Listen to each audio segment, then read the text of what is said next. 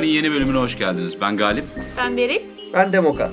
Bu hafta sizlerle korkunun bir başka tarafını konuşacağız. Bir başka boyutunu konuşacağız. Konumuz büyük yazar Agatha Christie. Özellikle 80'lerde Türkiye'de Stephen King'le beraber büyük bir furya halinde her eve girmiş kitapları bulunan genelde cinayet suç romanları yazan ama suç derken kara film gibi bir suçla karıştırmayalım. Cinayet suç romanları derken aslına bakarsanız daha çok cinayet ve gizem, polisiye manada gizem e, kitapları yazan ve Polisiyenin kraliçesi derler. ana kraliçesi diye anılan e, bir yazardan bahsediyoruz. Türkiye'de dediğim gibi tekrar altını çizmek istiyorum. Ailemizin suç yazarı, polisiye yazarı olarak da anabiliriz. Her evde bir tane iki tane cilti bulunmuştur ve herkes tarafından bir şekilde okunmuştur. Belki de Viktoryen çağda, çağın sonlarında yetişmiş olmasının bir etkisi var. İnsanlar böyle hanım hanımcık, adab muaşereye uygun bir şekilde hitap eden bir polis dedektifi ya da bir atmosfer görmekten hoşlanıyorlardı. Böyle bir şey olabilir. Ama bugünkü konumuz Agatha Christie. Agatha Mary Clarissa Miller olarak doğuyor 1890 yılında. Demin Galip'in dediği gibi Türkiye'de herkesin okumasını geçtim. Zaten 2 milyar 300 milyon baskı ve satışla Shakespeare'den sonra en çok satan yazar kendisi. Bir de İncil var. Bu arada e, Guinness kitabına girmiş bir rakamdan bahsediyoruz burada. Dünya Evet. çapında bir rekor yani. Yani 1976 yılında öldüğünde dünyanın nüfusu 4 milyar 150 milyon filan. Kadın Yarısını geçmiş. Ha yani nüfusun ya- dünya nüfusunun yarısından fazlası kitaplarını okumuş bir yazardan bahsediyoruz. Bunun nedenleri herkes tarafından konuşuluyor, merak ediliyor. Bizler de şimdi büyük ihtimalle gireceğiz biraz nasıl olmuş da olmuş, nasıl olmuş da bu kadar büyümüş. Girmeden olmaz zaten polisiyeye girmeden olmazdı. Çünkü her ne kadar çok fazla Galip'in genelde söylediği gibi böyle raflama için bu isimler konuyor olsa da her zaman içinde cinayet var. Cinayet varsa korku var. Bununla e, yüzleşmek gerekiyor. Yüzleşmemiz için de bence girmek için eğer polisiyeye girilecekse Evet. e, Edgar Allan Poe gibi bir başlangıçta yaptığımızı düşünüyoruz zaten. Sırada kraliçemiz var yani. Benim için çok özeldir. Çünkü az okuyan bir çocukluk yaşadım ben. Az okuyarak başladım. Jules Verne'le başladım. Jules Verne okuduktan sonra ister istemez Agatha Christie'ye geçiş yaptım. Oradan da Stephen King diye devam etti. Sonra iş hızlandı onların önderliğinde. Ama benim için Agatha Christie dünyanın en kolay okumasıyla bir yandan da merakı hiç kaybettirmeyen, insanın hatta merakını körükleyen, her kitabında insanı şaşırtmayı bilen enfes bir yazar. Yaşadığı dönem işte 1890'dan 1976 yılına kadar yaşamış. Bu sırada 80 tane roman, 50 tane tiyatro oyunu, 120 kadar da kısa hikaye yazmış. Kendisi yani çılgın gibi bir aktivite. Bunların çoğu pek e, bildiğimiz en önemli eserlerini dünya savaşlarının arasında vermiş. Çok yoğun kaotik dönemlerde vermiş. Her yerde yazabilmesiyle ünlü. Her yerde her zaman takır takır. Bizlere de ders olması açısından hani notumu aldım. Bir röportajını dinledim. E, 50'lerde yapılan. E, işte bir tane kitap yazmak için bence 3 ay iyi bir süre diyor. Bunu da bir kenarda hepimizin aklında bulunsun.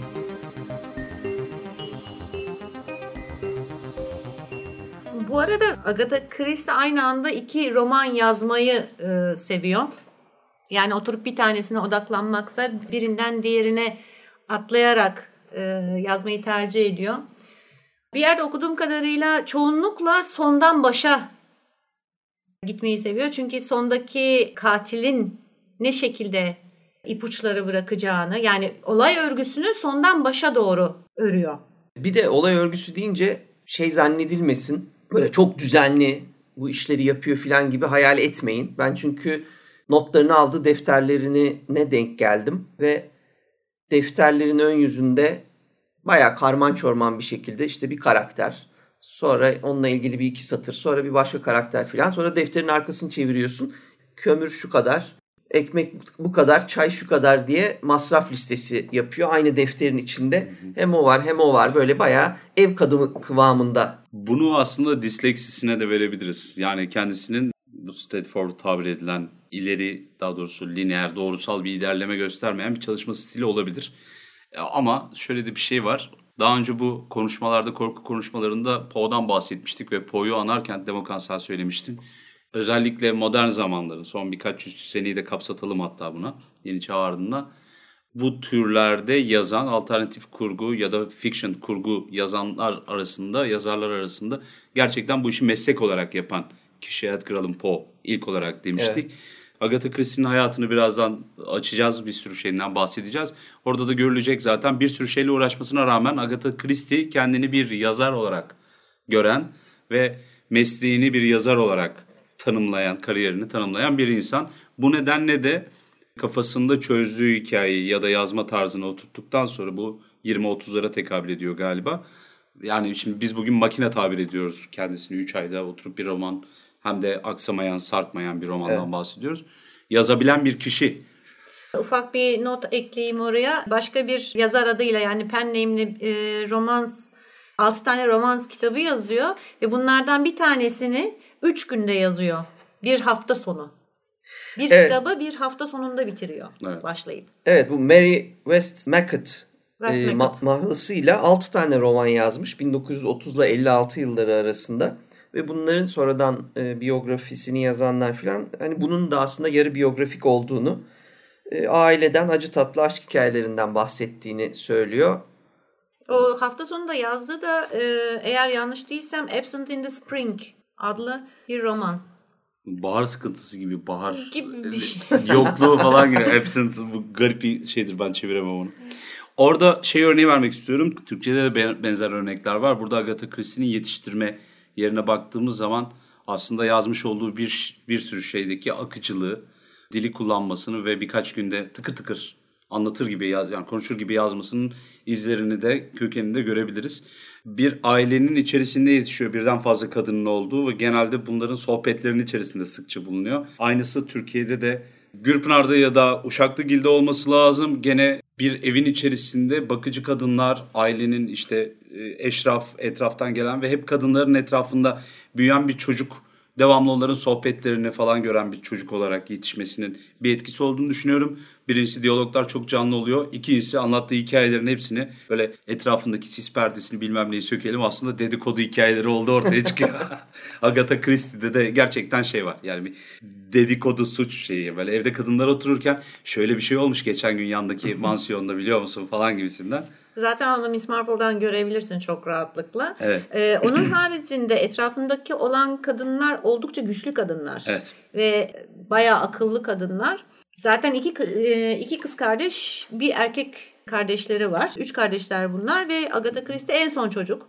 Annesi, ablası. büyük annesi, ablası. Ablası bunlar, bir de yazar. Evet zaten ilk romanını da biliyorsun iddiaya İddia. girerek, iddialaşarak. Yalnız ha atlamadan şunu söyleyelim arkadaşlar bakın. Bu çok önemli bir örnektir. Dünyanın en çok okunan yazarı 8 yaşına kadar okumasını annesi yasaklamış.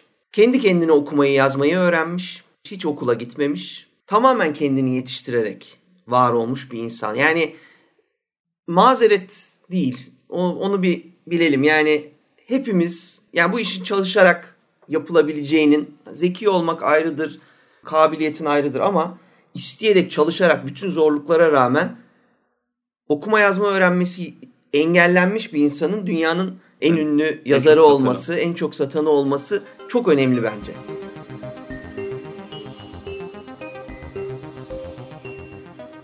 Agatha Christie çocukluğunu mutlu bir çocuk olarak adlandırıyor. Otobiyografisinin ilk cümlesine bakarsak. Evet aynen öyle. 11 yaşında babası ölene kadar gayet mutlu bir çocukluk geçiriyor. Evde eğitim görüyor ve ezoterik bir ortamda yetişiyor. Şöyle e, mesela annelerinin e, medyum olduğuna ve ikinci görüşe sahip olduğuna inanıyorlar. Hmm. e, tatillerde çok geziyorlar mesela ailecek. Özellikle Güney e, Avrupa e, ülkelerini geziyorlar tatillerde. Bu şey tabii bir de yine hep konuştuğumuz, Houdini'de de uzun uzun konuştuğumuz e, ruhçuluğun yükseliş dönemleri bunlar. O dönemlere çok denk geldikleri için Evet. e, bu seanslar vesaire o da çok muhatap oluyor. Aritmetiği severmiş mesela. Aynı zamanda piyano ve mandolin çalmayı öğrenmiş. Müziğe de bayağı ilgisi var. Hı hı. İlki mandolindir bu arada. Mandolin diğer müzik aletlerine geçiş için kullanılan bir rampa. Bizdeki e, köy enstitülerinde zorunlu olarak niye mandolin koydular falan diye bilen bilmeyen insanlar söyleyip durur. Tek sebebi de bu. 6 tane müzik aleti çalabiliyorsun mandolinden sonra. 8 yaşına kadar e, bütün engellemelere rağmen okumayı yazmayı kendi kendine söktükten sonra yazmayı daha doğrusu babasının yardımıyla söküyor okumayı öğrendikten sonra ama ilk 11 yaşında bir şiiri var. O şiir yayınlanıyor. Daha ilk 11 yaşında yani ilk şiirini yayınlıyor ve babasının ölümünden hemen önce de o yaşta kabusları başlıyor. Belki de ilk karanlık düşünceleri bu dönemde başladığı düşünülüyor. The Gunman diye bir karakter yaratıyor ve herkes beraber yemek yiyorlar. Orada o gunman'in gelip milletin kafasına sıktığını hayal ediyor. İşte beraber gidiyorlar oyun oynuyorlar. O sırada oyuna dahil olduğunu hayal ediyor vesaire. Sürekli böyle bir üniformalı, askeri üniformalı bir adamın gelip adam öldürmesi, ailesini öldürmesi üzerine hayalleri var. Bazı çocukların e, biliyorsun hayali arkadaşları olur. Agatha Christie de kendine bayağı enteresan bir hayali arkadaş seçmiş görünüşe göre. Ama çok normal. Ee, burada gene Agatha Christie'nin çocukluk döneminin geçtiği, çocukluğun geçtiği dönemi bir daha baktığımız zaman direkt olarak izlerini görüyorsunuz. Birincisi 1890'lar daha henüz sarsılma başlamamış ama bir tehditin ya da bir huzursuzluğun başladığı dönem. İngiliz e, sömürge imparatorluğu için alt tarafta Boer, Boer Savaşı gerçekleşiyor Güney Afrika'da. İngiltere 1800'lerin çoğunu çatışmalarda, savaşlarda geçirmiş ve subay ve centilmen diye bir kavram ortaya çıkmış. Bunlar hem dünyanın uzak köşelerine seyahat edip hem bir e, servet ediniyorlar. Bir Viktoryen genç beyefendi modeli yaratılıyor. Hem de ölüyorlar gencecik insanlar. Sıtmadan, çatışmalardan vesairelerden gibi. Kendisinin de mensubu olduğu sosyal sınıf itibariyle bu tarz genç insanların ya hikayelerini duyan ya da onlarla doğrudan tanışan bir küçük kızdan bahsediyoruz birincisi. İkincisi dediğiniz gibi ruhçuluk var. İnsanlar bilimin ışığında gizemi bir daha tanımladıkları hayaline, sarnısına kapılıyorlar. Ve dediğin gibi o kabuslarda, oyunlarda bayağı bir şeylerden etkileniyor. Ve bunları yansımasını görüyoruz bence. Ki bu da aslında bir yazar kumaşı olduğunu gösteriyor Agatha Christie'de. Etrafındaki şeyleri farklı yorumlayıp farklı hayalleyen bir küçük kızımız gibi. O dönem çok karışık ama daha dünya savaşları bile gelmedi. Evet. Bu arada 1902'de bir Devon'da bir okula gidiyor bir süre. Fakat disiplinli ortamı e, uyum sağlayamadığı için e, bırakıyor okulu. 11 yaşında dediğimiz gibi babası e, ölüyor ve aileyi hem tabii onun yokluğu perişan ediyor aynı zamanda finansal açıdan zor Evet. durumda bırakıyor. 1905'te Paris'e müzik eğitimi almak için gidiyor. Hatta bayağı da iyi bir öğrenci fakat ne yazık ki resital korkusu var. Yani e, Sahne. kalabalık sahne korkusu var. Kalabalık önünde çalamadığı için eğitimi de yani müzik eğitimi de sadece kendi zevki e, olarak Evet. kalıyor. 1910'da İngiltere'ye dönüyor ve annesi o sırada hasta. Annesiyle beraber bir tatile gidiyorlar Kahire'ye. Burada bayağı bir sosyal aktivitede bulunuyor. Daha sosyalleşiyor, daha açılıyor birazcık daha sosyal Hı hı. olarak. Ve yazmaya başlıyor. Bu arada e, ufak ufak oyunlarda rol alıyor. Şiire ve müziğe de yans yani yazımı, yazısı şiire ve müziğe de yansıyor. Atlıyor ya da. Hı hı. İlk kısa hikayesi The House of Beauty'yi bir bizim bilemediğimiz bir hastalıktan dolayı nekat dönemindeyken yazıyor ve hikaye ruh yani ruhçuluk ve paranormal konulara odaklanmış. O sıra çünkü bayağı bu iki konuya odaklanmış Hı hı. durumda. Belki de hastalığından dolayı ve tabii ki annesinin işte e, İlgisinden, anne çok- ilgisinden e, dolayı. Güçlü baba karakter. ölmüş falan Evet. gibi Evet. şeyler var. Annenin ölmesinden çok korkmuş ondan sonra. Bayağı bildiğin yatak odasının kapısında oturup nefeslerini dinlediği anlatılıyor. Tabii tabii büyük Annesinin. travma. İlk romanı Snow Upon the Desert. Fakat bu pek çok defa geri çevriliyor. Hatta komşusu olan bir yazar var Eden Pillspot e, adında. Onu kendi şeyine, ajanına yolluyor. Yani temsilcisine yolluyor. Hughes Massey yolladı. Massey diyor ki yani bu olmaz. Bir kitap daha yaz. Tabii o sırada ilk eşiyle tanışıyor. Birinci Dünya Savaşı'nın patlak Evet, verdiği sıralar. Archie Christie ile 1914'ten önce işte öyle 12-14 arasında tanışıyor. Seviyorlar birbirlerini. Bir de tabii işte çok heyecanlı dönemler. Savaş çıkıyor. Askere gideceğim hadi evlenelim e, havasına giriyorlar ve bayağı aslında adama gidiyor sonra arada bir izinde dönüyor. Gizlice evleniyorlar. Annesi çünkü kabul etmiyor, sevmiyor kocayı. Bir de teknik olarak bu esnada Agatha evde kalmış bir kız. O nedenle de koca arıyor yani. Tabii Bir tabii Kahire'deyken mesela 24 Kahire'deyken yaşında. de Tabii, Tabii tabii demek? 5 tane falan aslında talibi de oluyor o dönemde Evet. ama Çıktıkları olmuş. Aynı zamanda bir tanesinden nişan... Teklif. Çıkma değil. O zaman görüşme var. Görüş- Görüştüğü Tamam, çocuklar var. Güzel dönemsel. Tamam. Tabii. Dönemsel olarak e, evlenmeden önce görüştüğü beyefendiler e, olmuş. Hatta bir tanesiyle neredeyse nişanlanma noktasına gelmiş. Ama e, kısmet Archibald'daymış. Archibald'la dediğin gibi e, tanışıyorlar. Birinci Dünya Savaşı patlak verdiği e, sırada ve tanıştıktan iki sene sonra evleniyorlar. Ve yani savaşta o savaşmaya gidiyor. Bu sırada Agatha da boş durmuyor. Ee, yaşadığı yerde gönüllü olarak hemşirelik yapmaya başlıyor. Gelen yaralılarla ilgileniyor. Ve bu bir iki işine yarıyor. Bir tanesi Belçikalı e, gelen askerler var. Onlarla tanışıyor, yakınlaşıyor ve bu e, ileriki süreçte tabii Herkül Poirot'un e, doğması için ona kaynak olacak e, isimlerle rastlaştığını buradan anlıyoruz. İkincisi de tabii ilaçlarla e, ilgilenmeye başlıyor. Yaralarla ilk gittiğinde bir tane mide ameliyatına giriyor. Hani bayıldım bayılacağım derken bayılmıyor ve her şey olduğu gibi insan buna da alışıyormuş falan diye anlattığını ben yine bir röportajında duydum. Bu esnada polisiye romanlarına merak sarıyor ve favorileri özellikle Vicky Collins ve Conan Doyle. Sherlock Holmes hayranı kendisi. Evet.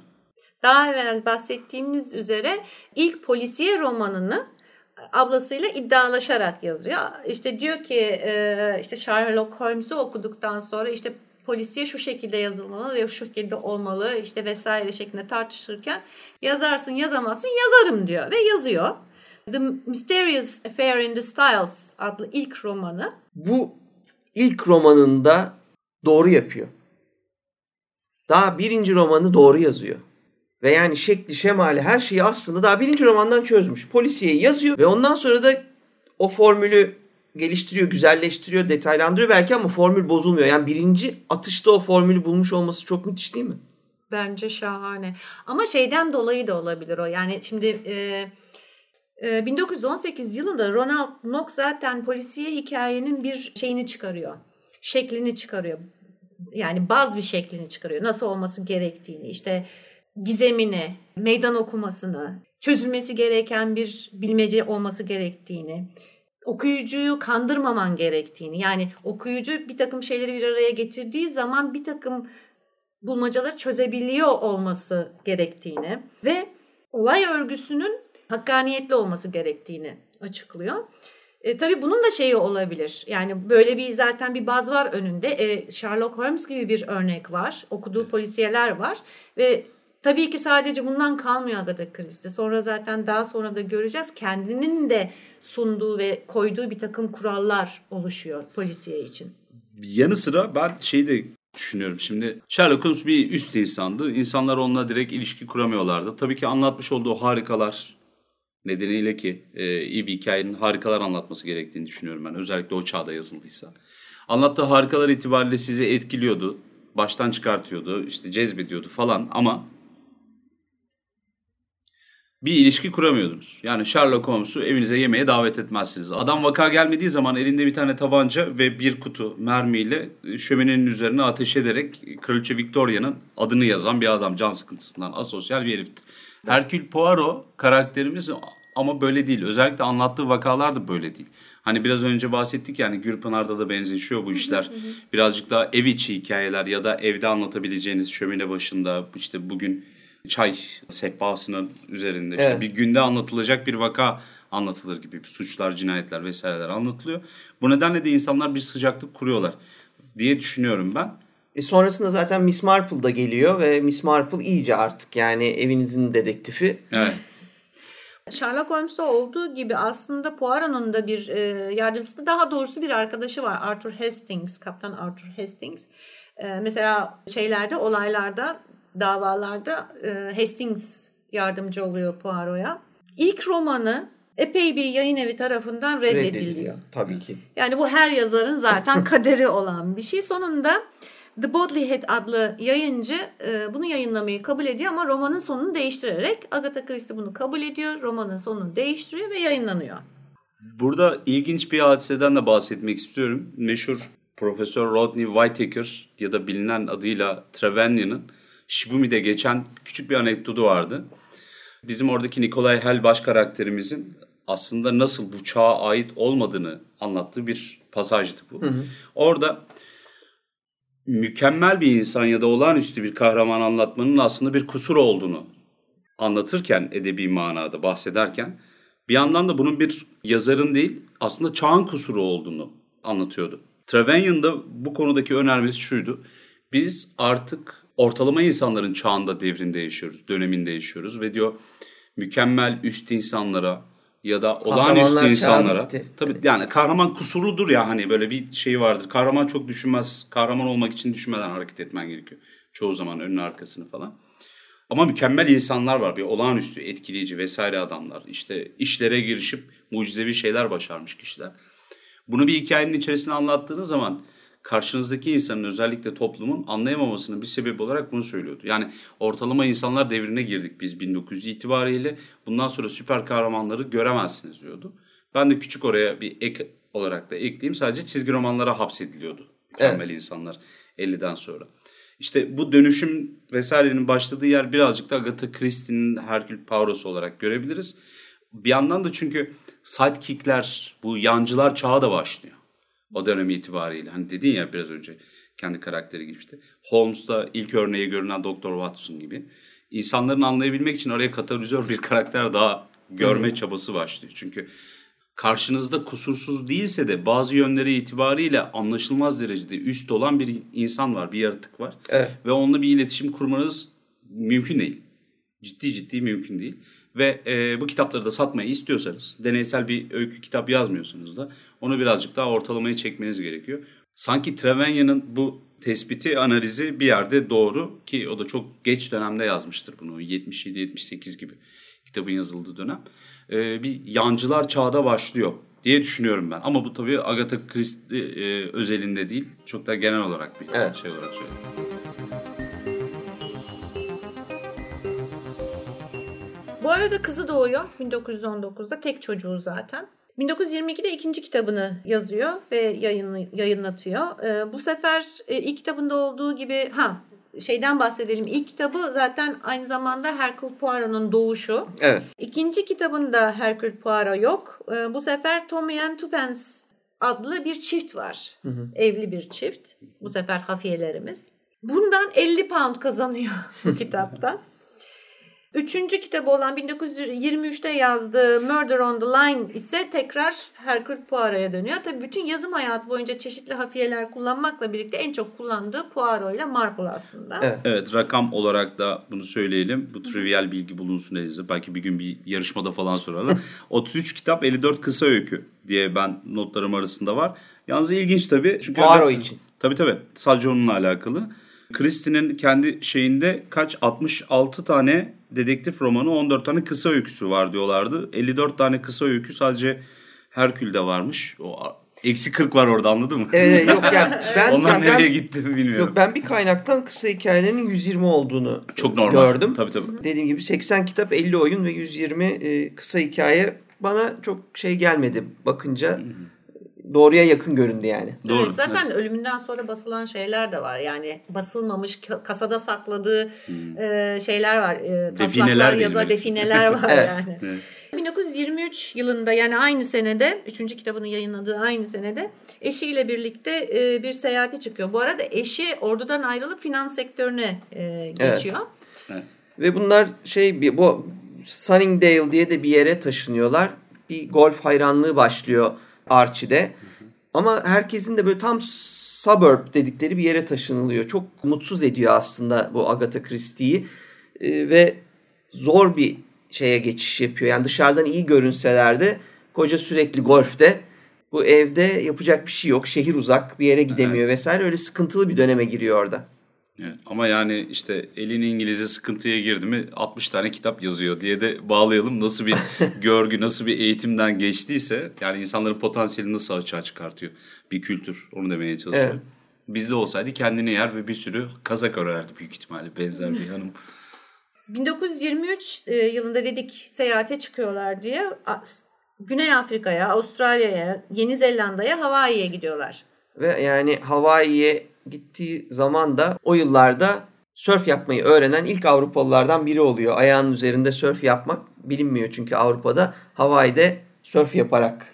Ee, yani bilmiyorum ki çok muhteşem bir kadın değil mi ya? Ya yaşam dolu yani hiç e, şey yok, geri durmuyor. Her Ve fakat bir bezi var. dönünce işler karışıyor. 1926'da Archibald Agatha'ya gelerek başka bir kadına aşık olduğunu ve boşanmak istediğini söylüyor. Ve bunu annesi ölmüş. An, ölü annesinin evini toplarken geliyor söylüyor bir de. Ayıptır söylemesi. Yani orada hani elinde albümlerle kala kalıyor Evet. Agatha. Aynı zamanda adamın aşık olduğu kişi daha evvel Agatha ile birlikte bir hazırlanan bir gösteride beraber çalıştığı kadınlardan bir tanesi. Yani golf değilmiş. Hayır yani şey Yani, hayır? Agatha Golf tanıyor kadını. meraklıymış. Agatha tanıyor kadını. Ya tanıyor ki şey de tanıyor. Golf'ten tanıyor tabii. zaten. Kadının golfle de yani golf hayranlığı var derken ben tabii Golfü oradan ha, eleyebiliriz. oradan mi? golfü eleyebiliriz. Çok da golf oynamıyormuş anlaşılan. Evet. O başka bir şeyler yapıyormuş Bayan Neil'la. 3 Aralık 1926. Archie Agatha ile kavga eder ve evden çıkarak hafta sonunu geçirmek üzere metresine gider. Aynı gece Agatha sekreterine Yorkshire'a gideceğine dair bir not bırakır ve ortadan kaybolur. Ve Pera Palas'ta ortaya çıkar diye de şey yapayım, Hayır. karıştırayım. Şimdi işte, var var. Şimdi Evet. çok hikaye var.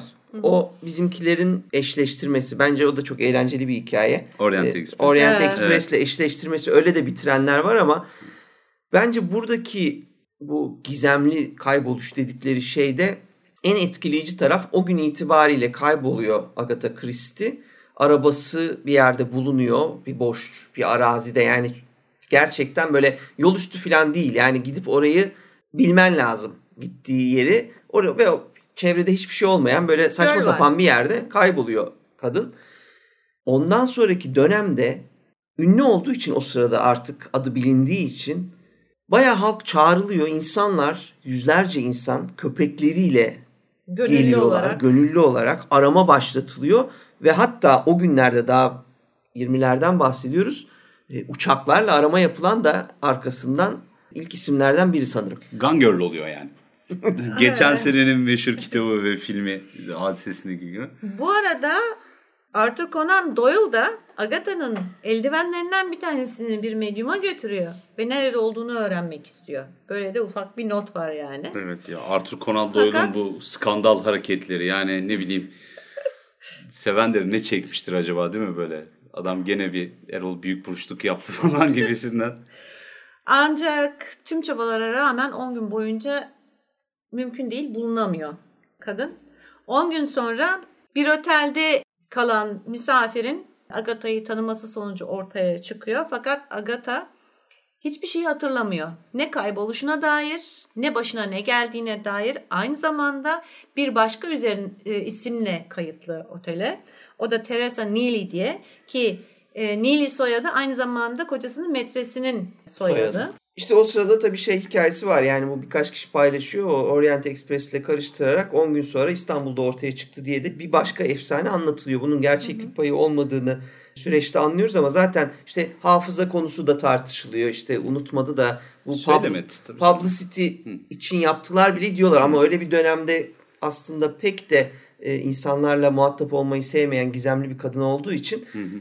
En gerçek dışı görünen şeylerden biri o bunun bir pazarlama hareketi olması. Ama unutma meselesi de tabii yani çok, çok kötü bir şey yaşıyorsun. Annen ölmüş evi boşaltırken kocan aşığım diyor geliyor. Evet. E ondan sonra çok da bir mystery yok bana sorarsanız işin Ya arkasında. şey de bir buhran olabilir görüyorum. yani. Yani bir buhrana girmiş olabilir. Hakikaten de hafızasını kaybetmiş olabilir. İşin kötü tarafı yani bu kadar tanınıp sevilmesine rağmen halk tarafından çok negatif bir tepki görüyor E yani ama işte bu ilgili binlerce olarak. 10 gün aramışlar köpeklerle uçaklar kaldırmışlar. Tabii Sonra tepki görüyor. Ama Bir de şuna kadar o dönemde öyle bir yani. kadın öyle kafasına göre ortadan kaybolayım bilmem ne falan hala yani daha Victorian ahlak geçmedi. Yani Churchill Churchill. Tabii ya yani Bir ben gazete, yaşadık falan diyorlar. 20'ler hala. gazete ilanını gördüm yani what a waste of money diye what a waste of resources filan diye haberler çıkıyor. Uçak kaldırdık kadını ararken. Tabii canım bir kadına çok- yapılacak Ha, bir şey iş mi? Masraf Ha. mı bu diye. Ama bundan da kalmıyorlar. İleri, daha da ileri gidiyorlar. Kadını kendi intiharını ayarlayıp suçu Kocasını atmak. kocasına veya metresine atmakla suçluyor veya kocasını aşağılamakla. Eğer e, yani otelde biri tarafından tanınmamış olsaydı belki böyle bir şey dönebilirdi ama yani insan bir buhran geçiriyor. Henüz suç da gerçekleşmemiş. Bu da şey değil yani e, nedir meşhur Kadik'in romanı. Önceden duyarıcılar e, suçu görüyorlar. Minority Report değil sonuçta. Minority Report. Evet. Şey yapmamak lazım. Ne, e, niyet okumamak gerekiyor. Yani suçlamamak gerekiyor böyle insanları. Yalnız enteresan bir şey var. Mesela hayatını okurken rastladım. Annesi evleneceği zaman Archibald için güvenilmez ve sadık değil. Asla güvenme demiş mesela Agatha'ya. O dönem için tabii şeymiş ya ben fotoğraflarını Standart. falan gördüm çok yakışıklı falan da o dönemin Evet. yakışıklısıymış böyle Playboy gözü gibi. dışarıda yani. Ve Agatha kocasını gerçekten çok seviyor. Zaten düşünsene annen ölmüş. Çok sevdiğin kocan böyle bir şey Tabii, tabii. yapıyor. Yani kadının gidip arabayı bir yere çekip intihar etme olasılığı bile yani zaten kimilerine göre intihar etmeyi Evet. düşündü ama yapamadı. Bak Evet, şimdi diyorlar. aslına bakarsan son 15 dakikadır tam bir Agatha Christie romanı Evet. içerisinde ilerliyor gibiyiz. Yani gerçekten bu konuyu orasıyla burasıyla Müge Anlı tadında e, masaya yatırıyoruz. E, İşte kadın da bunu yapıyor. Yani e, öykü anlatırken şey tepkisiz kalamıyorsun. Peki arkadaşlar gelelim biraz artık şeye bunu nasıl yapıyor? Evet. Bunu nasıl yapmış? Nasıl olmuş da 2.3 milyar kitap satılmış ve yani şey satılması önemli değil. Okunduğunu da biliyoruz. Hepimiz okuduk. Tabii ister canım, herkes Herkes bilir. okudu yani. Nasıl yapmış bunu biraz ona girelim ya. Evet. Birincisi ortada bir cinayet olur. Evet. Değişmez bir şey. Yani suç muç değil bu. Cinayet, cinayet olur. Cinayet işlenmiştir. Evet. Böyle Ve- bir şey çalınmış olması Sherlock Holmes'ta geçer çünkü. E, Agatha Christie affetmez. Biri ölür yani. Ve işte bugün hala farkındaysanız bütün suç dizilerine bakın. Amerikan suç dizilerine. Bütün onlar seriesler öyle başlar. Evet. Önce bir cinayet olur. Hangisine Neden bakarsanız cinayet? bakın önce cinayet olur. Neden cinayet? Çünkü cinayet serious bir şeydir. Çok ciddi bir şeydir. Yani o tartışılmaz, yatsınamaz bir Evet. suç halidir. Birinin bir şeyini alırsınız, çalırsınız, çalarsınız. Sınıfsal farklılıkları öne sürersiniz. Yok efendim ihtiyaç, işte baklava çaldı ya da işte mücevher çaldı. Kıskandı. Şu bu tartışmaya açılacak bir sürü şey var ama kimse cinayeti yatsıyamaz. Agatha'nın söylediği bir şey var. Diyor ki ben çok fazla şiddet ve kan sevmem. Benim için önemli olan kimin yaptığıdır. Sırları olan pek çok şüpheli vardır. Sadece tek kişi değildir şüpheli. Ee, Evet. Birkaç kişidir. Ee, ve de burada bir e, ilginç bir detay. Bir araştırma yapmışlar bu konu üzerine. Yani karakter kullanımı üzerine özellikle Agatha Christie araştırması. Orada şunu söylüyor. Neredeyse her zaman 9'dan fazla karakteri var. Ve bir bir tane hipnotizmacıyla konuşuyorlar. Adam bu ilişkiyi şeyde kuruyor. Normalde diyor insanlar diyor şey yapamazlar diyor. 9'dan fazla normal insanlar şeyi takip edemezler aynı anda diyor. Ve Şey derken onu storyline diye böyle yani akışı 9'dan fazla akışı takip edemezler. tabii akış da olabilir, Evet. karakter de olabilir. Yani Evet. bir anda ya otur ya da oturduğun yerde işte hem senin sigaranı takip edip hem mum ateşi hem dışarıdan gelen ses hem buranın ışığı hem yazdığım yazıyı okumaya çalışırsan bir yerden sonra kayboluyorsun. Doğru. Ama eğer ilgilendiğin bir şey yapıyorsan o zaman bu 9'dan fazla şeyi geçince ilgilenmen gereken şeyler bir trans haline girer insan diyor. Ve böyle bir iddiası var. Yani Agatha Christie'nin romanını okurken insanların yani mesela bu şeyi söylüyor. Metroda kitap okurken durağını kaçırman vesaire anlamında. Hani böyle insanları neredeyse bütün kitaplarında bu metodu da kullanarak transa soktuğunu söyleyen bir araştırma gördüm. Bunu şöyle söyleyebiliriz aslında. Ben bir bilişimci olarak buna bir not edeyim. Şimdi insanın 10 birim hafızası varsa 10 birimlik bir gün içerisinde e, etkileşimini dış dünyayla iletişimini sağlayan slotu varsa boşluğu bunlardan e, bazı şeyler çok ayrılmış oluyor. Mesela psikomotor aktiviteler üçünü kapsıyor. e, karşıdan karşıya geçerken arabaları kontrol etmek mesela düşünmüyorsunuz. Refleksif olduğunu düşünüyorsunuz. Ama onlar default olarak yani da varsayılan olarak farkında olmadan bir slot kapsıyorlar. Ondan sonra yemek yemek, işte etrafa çıkmak vesaire gibi aktivitelerde ya da planlarda 2-3 slot kapsıyor diye düşünün. Şimdi okumak esnasında siz 3 slot kullanıyorsunuz ki bunu en basitinden şöyle görebilirsiniz. Bir derin okuma değil de öyle üstün körü ya da alelade bir okuma esnasında gözünüz aynı anda kaç kelimeyi seçiyor? Hızlı okumanın anahtar şeyi budur. Normalde iki tane seçilir. Aynı anda iki kelimeyi görürsünüz. Ama sizin 5 slotluk boşluğunuz vardır. Geriye kalan 3 slotluk boşluk dış sesler, hangi durakta ineceğiniz, Evet. sigaram ne kadar yandı, küllükte bitiyor mu vesaire gibi dış etkenlere de ayrılığı verir. Çünkü e, sezgisel ve aynı zamanda şey olarak çalışır. Nedir adı? Sürekli interaktif halde çalışır insan hafızası da. Agatha Christie'nin işin içine ilgiyi cezbedecek bir sürü şey katmasından dolayı hani biraz önce biz de aynı tuzağa ayağımızı Düştük, bası evet. verdik. Hemen tartışmaya başladık. İçine çeki verdi bize. Bu 5 slotluk yerin normalde ikisini kullanırken üçünü dördünü kullanmaya başlıyorsunuz. Aynı anda dört kelimeyi gözünüz seçmeye başladığı zaman bir dakikada bir sayfa hızına ulaşabilirsiniz ve anlarsınız da bunu gibi düşünün.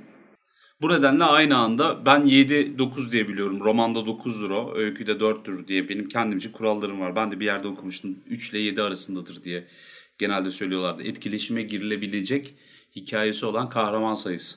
Yani bir esas kahraman var bir de yan kahramanlar gibi düşünün. Kahraman bir insan olmak zorunda değil bir vaka da bir kahraman, bir bina da bir kahraman haline gelebiliyor. Ama Agatha Christie ilgi çekici şeylerden bahsettiği için insanı daha çok romanın içerisine çekiyor. İster istemez o atmosfere giriyorsunuz. Kendinizde teoriler üretiyorsunuz.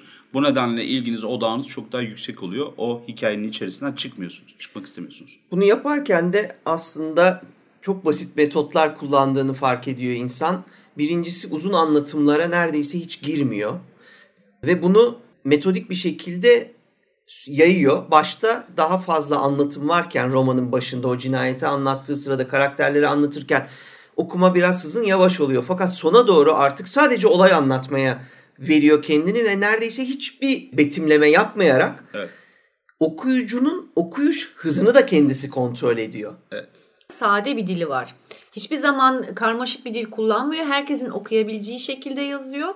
Bunun, bunun e, önemi de baştan sona kadar hikayeyi okuyucuyu içine sokuyor. Evet. Yani katılımda bulunmaya zorluyor. Zaten hikaye boyunca oyun içinde oyun şeklinde bir takım bulmacalar koyuyor ve bu bulmacaları e, ait kimi zaman doğru kimi zaman yanlış ipuçları koyuyor. Ve bu şekilde okuyucuyu ayrımında bulunmaya da zorluyor.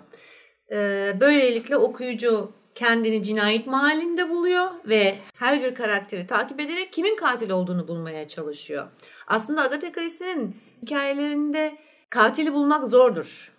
Çoğu zaman sizi büyük şaşkınlığına uğratır. Hatta bazıları e, der ki en olmayacak karakteri bul, katil büyük ihtimalle odur. Ki bunu yaptığınız zaman dahi hayal kırıklığına uğradığınız oluyor. Ve benim en çok sevme sebebim de aslında Agatha Christie'yi tam da budur. Bunu insanları okuyucusunu kandırmayarak yapmayı başarmasıdır en büyük gücü. Yani size eksik bilgi vererek bunu yapmaz. Yani asla bilemeyeceğiniz bir şey değildir. Sadece bu işte İngilizce'de red herrings diyorlar. Sizi şaşırtacak, araya başka şeyler, dikkatinizi diğer dağıtacak başka ipuçları verir size. Ve bu sayede siz bir türlü o odaklanmayı sağlayamazsınız. Ama yani yeterince dikkatliysen, doğru okumayı sağlayabilirsen vardır. ihtimalin vardır. Kitap bitmeden katili bulma ihtimalin her zaman vardır. Çünkü sana bütün bilgiyi verir. Senden saklamaz ama sadece senin dikkatini dağıtır, seni kandırmaz. Agatha Christie bunu bir dedektiflik oyunu olarak alıyor önüne. Ve bu oyuna pek çok etkileşim koyuyor. Katman koyduğu gibi bir de etkileşim de koyuyor. Mesela katil ve hafiye arasındaki etkileşim, okuyucu ve hafiye arasındaki etkileşim, yazar ve okuyucu arasındaki etkileşim. Yani bu üçünü öyle güzel yerleştiriyor ki hem bir yandan katilin kafasına girmeye çalışıyorsunuz, bir yandan hafiyenin kafasına girmeye çalışıyorsunuz. Bir yandan da yazarın kafasına girmeye çalışıyorsunuz. Yani bu üçünü hikayeye çok güzel oturtuyor. Bu sırada bir şey daha yapıyor. Tarihi belki sende vardır ama polisiyenin bütün kuralını, akışını, her şeyini değiştirecek bir hareket yapıyor. The Murder of Roger Ackroyd romanıyla anlatıcıyı katil olarak seçiyor. Siz aslında bütün hikayeyi katilden dinlediğinizi öğrendiğinizde ya bu bir ilk. Polisiye bir anda her şey değişiyor. Agatha Christie orada her şeyi değiştiriyor. Senin dediğin gibi katiller konusunda epey şaşırtıcı e, Agatha Christie çünkü katil olarak çocukları kullanıyor, polisi kullanıyor, anlatıcıyı kullanıyor. Hali hazırda ölmüş kişileri kullanıyor, bilinmeyen şüphelileri kullanıyor ve bazen de şüphelilerin tamamını kullanıyor. Evet. Şimdi Agatha Christie'nin kurgusunda ya da hikaye akışında gördüğümüz bir net olan bir şey vardı. Bir cinayet dedik, ikincisi birden fazla suçlu. Birden fazla suçlu demek aslına bakarsanız arka tarafta cinayetle bir bağlantı oluyor demek. Cinayeti merkeze koyun, bir güneş gibi her birine bir teması. Motivasyon veriyor bütün karakterlere tabii, tabii. değil mi? Evet. Bu nedenle de siz ister istemez acaba bu muydu şu muydu falan diye kendiniz bir fikir yürütmeye başlıyorsunuz. Ama çoğu yazarın yapmış olduğu gibi yazarla okuyucu arasındaki ilişkiyi şey üzerinden kurmuyor. Yani nasıl söyleyeyim biz ayrı basamaklardayız ayrı yerlerde yaşayan insanlarız gibi kurmuyor. Yani yazar bazen tahmin edilemez bir sona götürdüğü için irite edebilir okuyucu bir anda bunların hiçbirinden bahsetmemiştin ama araya hemen birini koyduğun gibi bu kötü yazarlıktır. Özellikle Çehov'un öykü anlatıcılığına göre içeride delilleri bulundurman gerekiyor. O duvardaki tüfek hikayesi evet. gibi. Şimdi ben Çehov'un öykü anlatıcılığının bir hayranı değilim. O nedenle bu şeyler deliller olmak zorunda ya da öykünün başında her şey verilmek zorunda değil benim gözümde. Ama yine de şöyle de bir şey var. Okuyucuyla ilişkinizi kurmak yani doğru bir frekansta kurmak kitabın akıcılığını da sağlıyor ve insanlar üzerine konuşabiliyor demek oluyor. Yani bir satış pazarlama numarası gibi de bunu ele alabilirsiniz. Ama net olan bir şey var. Agatha Christie'nin romanlarında katili tespit edebilme zekiliği, akıllılığı bir şekilde bir şeker gibi insanları tuzağa çekmek için, okuyucuyu kitaba çekmek için kullanılan yöntemlerden bir tanesi. Evet. Aslında buna şey bile diyebilirsin. Hani eşeğin önüne tutulan e, havuç, havuç vardır ya. Hı-hı. Aslında bir anlamda öyle bu. Şeker derken havuç demeye çalıştım ama tabii yanlış oldu. Tuzağa çekmekte kasıt orada peynir olması gerekiyordu. Anladınız ama siz yani cümleyi kendiniz kurun. ama şey var yani dedik ya cinayetle aralarındaki bağ bu adamların. Bunlar bende üçüncü maddeye tekabül ediyor. Sırlar. Her kahramanın, her karakterin, kahraman deyip de durmayalım şuna, her karakterin sırrı var. Ve o sırlar katman katman olmakla beraber yan yana da durabiliyorlar. Hem yatayda hem dikeyde bir e, şey var, karakter yaratımı var. Hı hı. Ve siz bunları gerçekten de Agatha Christie'nin seçmiş olduğu karakter şekliyle ufak ufak açıyorsunuz. Bir de Beril biraz önce söylemiştin ya, hatta Demokan ilk başta sen bahsetmiştin bundan. Bunların hızlı ve e, rahat okunuyor olması, kolay değil de rahat okunuyor olması. Evet. Yani bu da aslında bende şu çağrışımı yapıyor. Şu tespitte bulunmak istiyorum. Agatha Christie vaka anlatıyor.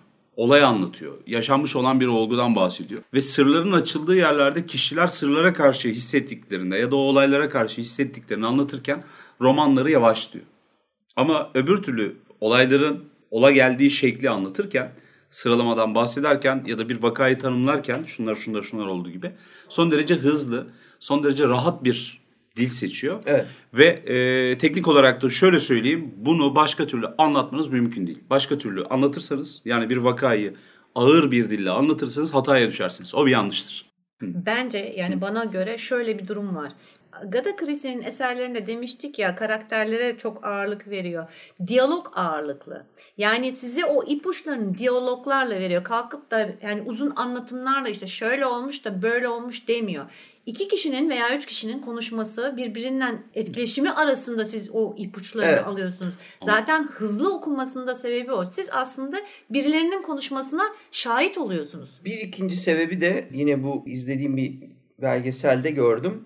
Bilgisayar programıyla falan ne yapıyor bu kadın diye araştırmışlar, bayağı uğraşmışlar. Yani niye, nedir farkı vesaire. Orada şeyi fark ediyorlar pek çok paragrafında kelime tekrarını çok doğru bir şekilde kullanıyor. Bir paragrafta dört kere mesela aynı kelimeyi kullanıyor. Ya. Çünkü o sırada sizin ona odaklanmanızı istiyor. Vurguyu orada yükseltmek Ve siz istiyor. rahatça orada anlıyorsunuz ki ben burada şimdi atıyorum o kelimemiz bizim yürümekse bir paragrafta dört kere yürümek dediği zaman tamam ben artık anladım. Bu adamlar yürüyor. Evet. Gelelim bir sonraki paragrafa. Artık çok kolay.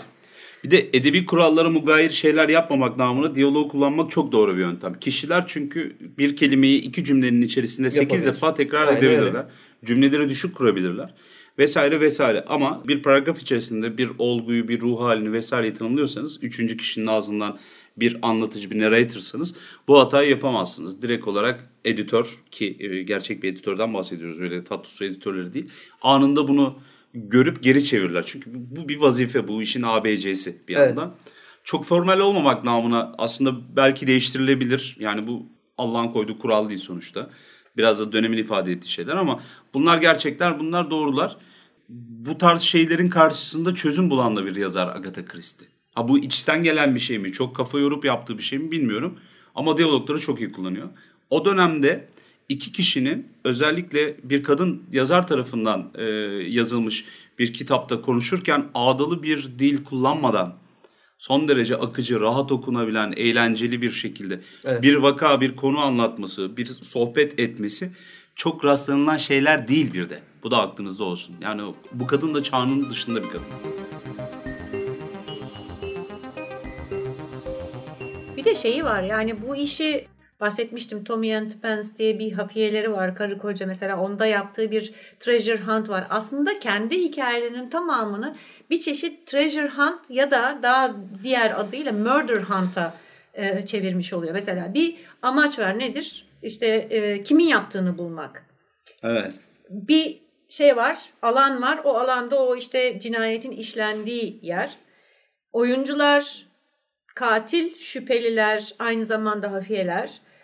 Ee, araştırmayı yapmak için bir takım aletler veya bir takım kullanabileceği şeyler var. Bunlar da ipuçları oluyor zaten. Ne olacak? Bir takım engellerin olması gerekecek veya e, aksiliklerin Zorluklar. olması, zorlukların olması gerekecek. Bunlar da zaten yalanlar, işte yanlış ipuçları Evet, veya işte bir takım oyun içinde oyunlar. Evet. Çıkmaz Ee, sokağa gönderme. yani Aynen aslında, öyle ama bir de fair play rules dediği bir şey var. Yani türün gerçekten hak ettiği, okuyucusuna verdiği saygı ile onu aldatmamak. Evet. Yani gerçekten karşındakini bu olayın içine sokup ona bunu çözme imkanı vermek. De, ben de demin işte yani mesela bütün bunları bilmezken yani ben 10 yaşımda bu kadını okurken bunu o saygıyı hissediyordum. Benim hayran Evet. olma sebeplerinden biri bu demin dediğim oydu. Yani bunu sen daha küçücük yaşında çeviri bile okusan o saygıyı hissediyorsun. O zaman da daha ciddiye alıyorsun.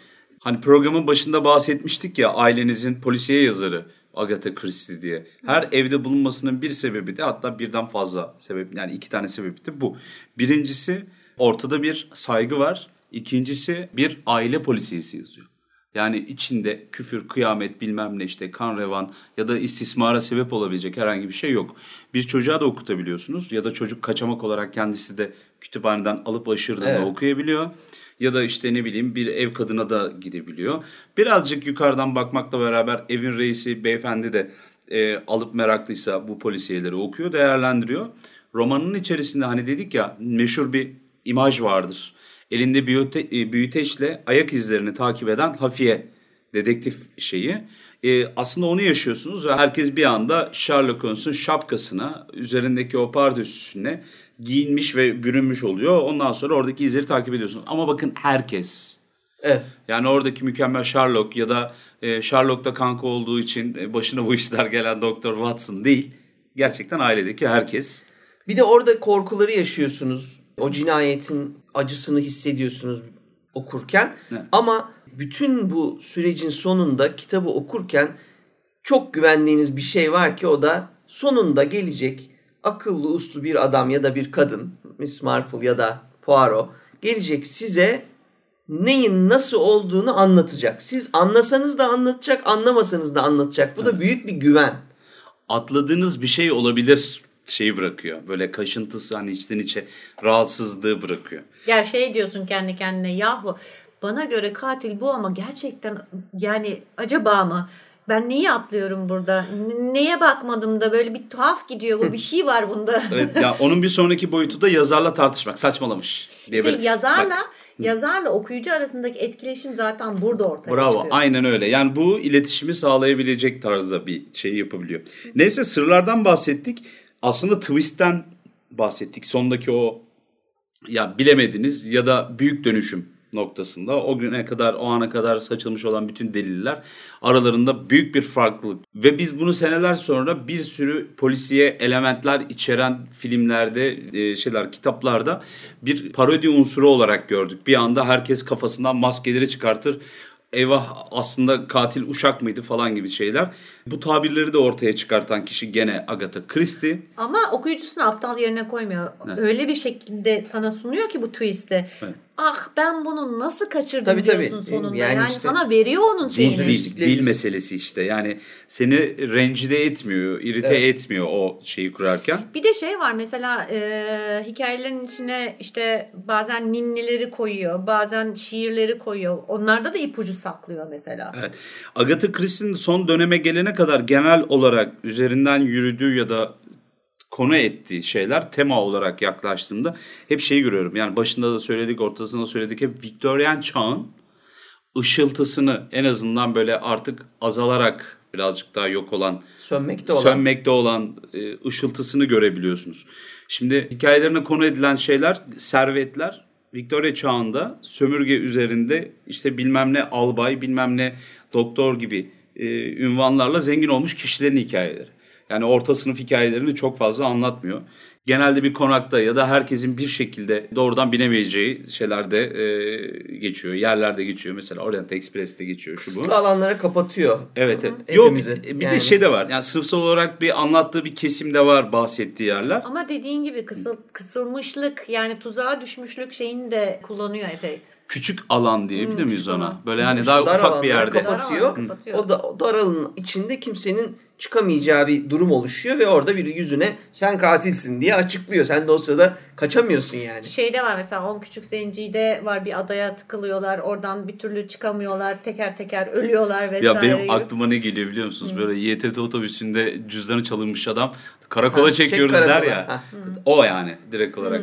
Hepimiz bu otobüsün içindeyiz. O cüzdan çıkacak Evet. Gibi bir şey oluyor. Yani ben şu an çok karikatürize ettim ama genel çizgi bu. Bunlardan bahsederken de talih, servet, şans yani insanların üzerine kalan işte bir miras ortadan kaybolacak. Bir hırs gibi şeyleri ortaya koyuyor. Cinayeti doğru duygularla tanımlıyor bence. Ve yani çözümler de genelde o ona ihanet etti, bu bunun parasını aldı vesaire gibi. Bunu Sherlock Holmes'te de görürüz ama bu kadar bu kadar nasıl söyleyeyim insana temas eden bir duygusallıkta değildir. Sherlock biraz daha makine durur. Biraz daha böyle soğuk beyefendi durur. Evet. Ama şeyin Agatha Christie'nin karakterlerinde direkt olarak şeyi görürüz. Baş kahramanından tutun da içinde yaşayan karakterlere kadar. Direkt olarak sizin de bir meseleniz haline gelir ortadaki suç.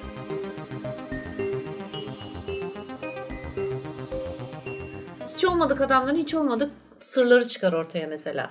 Orada şey mesajını verir. Yani hiç kimse göründüğü gibi değildir. Evet. Yani bunun en masum adamın altında bile çok kötü şeyler aramak durumundasın. Berit şimdi bunu tartışmaya sen gitmezsin. Benim üzerime vazife değil Ahmet'in Mehmet'in özel yaşantısı deyip çıkabilirsin böyle bir şeyle karşılaşsan. Ama kadını konu ettiği olaylar, vakalar, anlattığı tarz genelde senin kendi üzerinde o konu üzerinde bir yorum yapmak, o konu üzerinde düşünmek, o konuyu merak etmek gibi bir dürtü uyandırabiliyor demek istiyorum. Kadının kullandığı bir şey var zaten. Hani demiştik ya kan hoşlanmıyor kandan veya Evet. işte e, vahşetten hoşlanmıyor. E, söylediği şiddete vesaire bunları kullanmak yerine onun odaklandığı şey normal yatağında ölen normal bir adamın öldürülen normal bir adamın Aha, ölümüne kimin sebep olmuş olabileceği. Yani bu. evet. Evet ve yarım bırakmayalım ben kısaca hemen söyleyeyim. Bu mutsuzlukları yaşadım mistrisinde takıldık kaldık ama öyle bir değil hayatının devamı. 1930'a doğru işte önce İstanbul'a gidiyor. Orient Express'i o sırada yazıyor e, İstanbul'da ve Bağdat'a giderken e, Orient Express'i kullanıyor. E, Bağdat'ta arkeolog ikinci kocasıyla tanışıyor. 1930'da evleniyorlar Max Malone'la. E, ve ondan sonra da mutlu bir hayat yaşıyor 1976 yılına kadar. O esnada da e, zaten farklılıklar da görünüyor. Kendi şeyinden çıkıp yani e, çevresinden genelde zaten kadın hep gördüğü, bildiği, tecrübe ettiği yerleri yazıyor veya kişileri e, yazıyor. İkinci kocasıyla gezmeye başladıktan sonra hem arkeolojik şeylere de e, kazılarda da kazılara da e, Dahil oluyor. dahil oluyor. Aynı zamanda internasyonel konuları da yazmaya başlıyor. Yani sadece İngiltere ile alakalı olan şey değil, yurt Çıkıyor. dışına çıkıyor. Bu gene başa dönersek 1920'lerdeki şu meşhur şeye gitme vakasını ele alırsak göreceğiz zaten ortaya çıkacak. Gize piramitlerinin yanında bir otelde e, annesi hasta ve kapısının önünde aynı zamanda müstakbel kocasıyla danış, tanıştığı partiler falan da gibi. Aslına bakarsanız çok meraklı bir kadın. Arkeolojiye de bir ilgi duyuyor. Arkeoloji Agatha Christie'nin yazıları ve hayatı üzerine yapılan araştırmalarda ya da bahse konu panellerde vesairelerde kitaplarda yer tutan bir kısım. Evet. Daha sonradan ikinci eşiyle tanışıp bir Irak, bir İstanbul gezisi yaparken de bu artık iyice yüze vuruyor ve daha sonraki eserlerinde kullanılıyor. Ama bu yeni bir şey değil. Gene Doğu'nun büyülü geçmişi ya da o parlak bitmek bilmeyen uzun masalsı geceleri hikayesi o dönemin yazarlarının birçoğunda var. Yani Sherlock Holmes'ta da bir kısmını görüyorsunuz. İşte Campbell'ın gene şeyinde de neydi meşhur maymun patisi, Monkey Paw bir korku eserinin içerisinde de görüyorsunuz. Yani orada Hindistan'ı almış bir tanesi, bir tanesi Mısır'ı almış diye düşünebilirsiniz. Doğu hep gizemli duruyor. Ama şöyle bir şey var Beril, biraz önce söylediğin kanlı, revanlı vesaire olmaması. Şimdi 1930'a 40'a kadar yazdığı eserlerde paranormal ya da doğaüstü vakaların ya da öyle işlenmiş gibi görünen cinayetleri ya da konuları hikayeleştirebiliyor. Ama daha sonrasında daha çok insanın yaratmış olduğu bizim biraz kısıtlı bir tabir olacak ama psikolojik korku diye tanımladığımız şeye giriyor. Kısmı anlatmaya odaklanıyor. Evet ve bunun etkisinin aslında anne olduğu da söylenir. Yani annesinin ölümünden sonra yavaş yavaş bu şeyin etkisinden de kurtulur. Ruhçuluğun bir iki çözümünü de zaten ruhçuluğun şarlatanlık olduğunu göstererek çözer bir iki tane şeyi. Evet. Şar- sadece göz boyama için bu ruhçuluğun yapıldığına dair e, bir iki romanında bayağı değişir yani tarzı. Evet. Bu arada şeyi de unutmayalım. İkinci Dünya Savaşı'nda sen demiştin Birinci Dünya Savaşı'nda hemşirelik yapmıştı. Evet. Ve ilaçlar hakkında ve Belçikalı e, göçmenler hakkında e, bilgi edinmişti. İkinci Dünya Savaşı'nda ise bir üniversite hastanesinin eza bölümünde çalışıyor ve orada zehirleri incelemeye başlıyor. Engin bir bilgiye sahip oluyor. Evet. Hatta bir romanında kullandığı ki bu romanın adı The Pale Horse kullandığı talyum zehirlenmesi ölümünden çok sonra bir çocuğun zehirlenmesini doktorlar anlayamıyor ne neye sebep neden sebep olduğunu ve çocuğa bakan hemşirenin Agatha Christie. Agatha Christie'nin The Pale Horse'unu bildiği için talyum şeyinin e, testinin yapılmasını istiyor ve gerçekten de talyum zehirlenmesi çıkıyor çocuk ve kurtuluyor çocuk sayesinde. Evet. Bir, bir anekdot daha var. 1940-41'de yazmış olduğu bir roman nedeniyle MI5 diye bizim hani James Bond filmlerinden bildiğimiz e, Military Intelligence, Intelligence 5 adlı bölüm İngiliz e, gizli İngiliz servisi, gizli servisi. askeri e, istihbarat bölüm 5 peşine düşüyor. Acaba diyor sen bir kontra ajan mısın E, İngiltere'nin ya da Britanya'nın sırlarına vakıf olan Ve- olmadı ortaya çıkıyor. Evet ve bu eczacılık bilgisi, zehir bilgisi yüzünden zaten e, 30 kadar romanında cinayetler zehir kullanarak işleniyor. Ve daha ilk zehir detaylı bir şekilde zehirlenmeyi anlattığı romanında, ölümü anlattığı romanının en olumlu, en iyi yorumlarından bir tanesi Journal of Pharmacology'den geliyor Süpermiş. detaylı bir şekilde Eczacılar dergisi övüyor. Çünkü çok doğru, çok gerçekçi bir şekilde kullanıyor bu şeyi. Evet. Şeyi e, okumuştum zehirleri. ben Porsuk Ağacı cinayetini okumuştum. Bayağı oluyor okuyalı. Orada çok etkilenmiştim. Adam kalp krizinden oluyor. Kimse ne olduğunu anlamıyor. Adam çözüyor porsuk ağacından e, yapılma bir zehirle öldüğünün ve bunun kalp krizi e, Gibi. etkisi gösterdiğinin. Evet. Ve bir de e, bugün hala doğduğu Torquay kasabasında, şehrinde Ellie Marshall diye bir hanımefendi var. Onun ona adadığı bir zehir bahçesi yapmış. Bahçede bütün o zehirlerin çıkarıldığı bitkileri yetiştiriyor, yaşatıyor. Evet. A- aynı zamanda adına bir gül var biliyor. Evet. Onu da söyleyelim. Biliyorsunuz diye yaklaşmayın. diye- Bilmiyorlardı Adına- belki insanlar. ad- Ben de bilmiyordum. Buyurun. Tamam. Adına bir gül var. Onu da e, ekleyelim.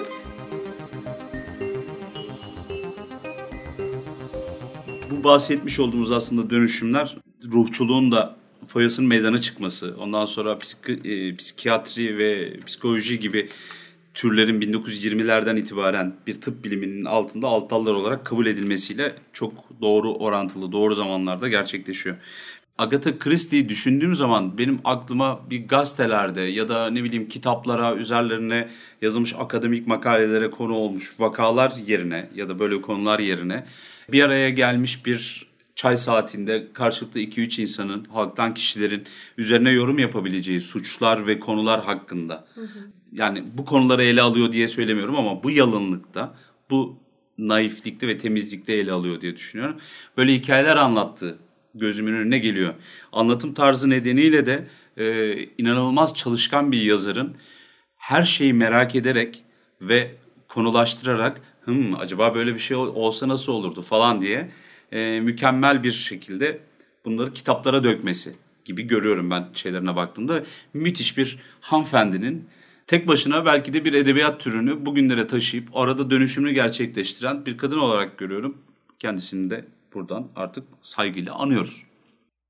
Öncelikle elbette ki eğitim çok önemli ama kendini yetiştirmiş bir kadının ki o dönem için muazzam mucize gibi bir mucize şey. Mucize gibi bir şey. Bir iddia ile başlayan e, macerası aslında Galip'in de dediği gibi bir türü belirlemesine vesile oluyor bence. Ve e, polisiye yazacak olan veya yazan herkesin e, muhakkak Agatha Christie okumuş olmalı diye düşünüyorum. E, çünkü gerçekten yani ender örneği ve bu e, konudaki kuralları koymuş kişilerden bir tanesi. Agatha Christie okumak her zaman benim için büyük bir zevk. Yani 1980'lerde e, okuyordum. Ha, hala da elime geçtiği zaman okuyorum ve okunmuş, daha önce okumuş olmama rağmen gene zevk alıyorum. O yüzden e, dediğim gibi benim için önemli yazarlardan bir tanesidir. Yazdığı şeylerden bahsettik. Aynı zamanda popüler kültüre tabii müthiş etkisi. Bugünkü dizileri geçtim. Bir kere kendi karakterleriyle yaratılmış Hercule Poirot dizileri, onlarca film. 6 tane Hercule Poirot oynayan aktör biliyorum. Yani Peter Ustinov ve en son David Suchet oynuyordu. Daha pek çok isim var. Bir önemli özelliğini daha ben söyleyeyim onunla bitireyim. Kendisi demin de dediğim gibi 50 kadar tiyatro oyunu yazdı. Şimdi bu sene ölümünün 40. yılında kendisini Galip'in dediği gibi anıyoruz. En ünlü oyunu The Mousetrap. Kraliçenin o gün için doğum günün için hazırlanan bir yine polisiye oyun. Mousetrap bundan tam 64 yıl önce oyun oynanmaya başlıyor ve oyun hala oynanıyor arkadaşlar. Evet. Kraliçe oyun... de aynı kraliçe bu arada. Yalan da değil. evet evet. Kral oyun, kraliçe. Oyun arkadaşlar 64. yılında 2016 yılı itibariyle. Çok ufak bir not ekleyeyim. İkinci eşi olan Maxwell Malone'un 1968'de kraliçeden Sir ünvanı e, alıyor, şövalyelik ünvanı alıyor. 1971'de ee, de Agatha Christie şövalyelik ünvanı alıyor. Evet. E, İngiltere'de iki, yani karı koca şövalye olan nadir çiftlerdendir kendileri bu arada. Evet, kocası arkeolog olduğu için alıyor arkeolog galiba değil mi? olduğu için. İkisi de ayrı şeylerden alıyor. Evet, edebiyat. Agatha Christie edebiyat için, e, eşi de arkeolojik çalışmaları için. Evet, ölümünün 40. yılında aslında hız kesmeden polisiyeyi şekillendirmeye devam ediyor. Belki okunmasının hızı yavaşlamış olabilir ama e, oyunları oynamaya devam ediyor. Böyle bir popülerlik nadir görülmüştür. Biz polisiye ağırlıklı ama bir yandan da gerçekten insanı içine soktuğu çok zorlu cinayetler e, dolayısıyla da korkuya verdiği destek ve popülerleştirmesi dolayısıyla biz de ona müteşekkiriz. Bizi dinlediğiniz için çok teşekkür ederiz. Gelecek bölümlerde görüşmek üzere. Teşekkürler. Görüşmek üzere. Görüşürüz.